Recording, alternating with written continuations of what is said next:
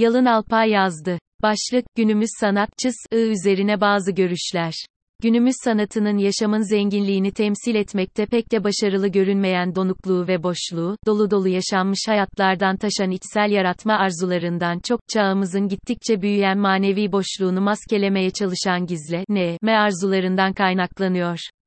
Bugünün sanatçısının yaratıcı çabasında, gerçek yaşamsal çatışmalardan uzak kalan ve bu boşluğu tali ve görece önemsiz çatışmaları abartarak büyüten ve gerçekte üstelerinden gelinmesi pek de güç olmayan bu sorunların büyük olduklarını ispatlayabilmek için onlara bilerek yenilen, yenilmek için fırsat kollayan konformist bir, hayat savaşçısının, yapay bitikliği, lozerlığı, temel sanat zeminini ele geçirmiş gibi duruyor.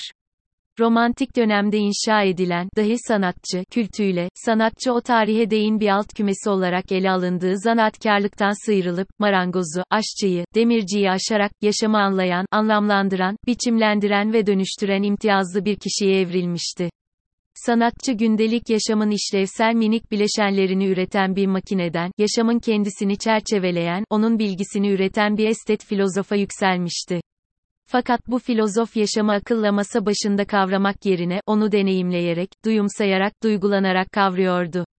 Bu yüzden yaşamı doğrudan içerisinde, uçlarında, en aşırı versiyonlarında deneyimleyen, yaşamın en ağır çatışmalarıyla yüzleşen ve onların üstesinden gelmek için elinden gelen mücadeleyi veren ve çoğu kez de bu mücadeleden zaferle ayrılan muzaffer bir kişiydi. Yenildiği durumlarda da, yaşama teslim olmayan, zafer için terinin son damlasına kadar mücadele eden bir kişiliği temsil ediyordu. Bir insanın kimliğini ve kişiliğini, onun yaşadığı çatışmalar oluşturur. Yaşamla, inançla, ahlakla, bedensel, zihinsel tehditlerle devasa çatışmalar yaşayan bir sanatçı ile, bu çatışmaları yaşamadığı halde, yaşadığını simül eden bir sanatçı arasında ciddi yapısal farklar vardır. Gerçek çatışmalara giren sanatçı sorunların tümünü alt etmeye girişen bir savaşçı gibiyken, sahte çatışmalara girdiğini varsayan sanatçı, sorunlarının büyüklüğü gerçeğe denk gelmediğinden, o sorunların gerçekten devasa olduklarına kendisini ve çevresini inandırabilmek adına onlara sürekli yenilmeye çalışacaktır. Bu yüzden gerçek bir çatışma yaşamayacak, sürekli bir yenilgi ve bunalım içerisinde kalmayı seçecektir. Gerçek çatışmanın olmadığı yerde, kimlik ve kişilik derinleşmeyecek, sanatçı yüzeyde kalan bir varlık olacaktır. Gerçek çatışmalar içerisindeki kişi zafer için yola çıkar ve gerçek çatışma, kişinin tüm kaynaklarını, verdiği mücadele ve yaşamda kalma savaşına yoğunlaştırmasına, bu sırada kayıplar, zaferler deneyimlemesine ve böylece kendisini sürekli yenilemesine yol açar sürekli yenilenerek, her seferinde kendi versiyonunun bir üst ve bir başka versiyonuna geçmekte olan kişi, kişiliğini dinamikleştirmekte ve zenginleştirmekte ve yapıtlarını, bu zaferlerin, ateşkeslerin, mağlubiyetlerin saçılımlarından yola çıkarak üretmektedir yaşamın en ufak dokunuşlarına dahi karşı çıkmayacak kadar konformistleşmiş, mücadele yerine bunalımlara girmeyi seçmiş, dahası bu bunalımları çoğunlukla kendisine ve çevresine büyük mücadeleler içerisinde olduğu izlenimini verebilmek adına kendisi üretmiş olan müzmin yenik, bitik sanatçı ise yenilgilerinde dahi yeni katmanlar yaratamamakta, yaşamında hiçbir değişiklik gerçekleştiremediğinden hep aynı sorunlara, hep aynı şekilde yenilmekte, sürekli aynı bunalımın içerisinde, hiçbir maneviyat üretemekte, üretemeden, bomboş bir şekilde mağlup olmaktadır. Gerçek mücadelelerin yokluğunu örtmek için, bu simülasyon sanatçısının sığınacağı sanat biçimi, donuk ve boş bir maskedir.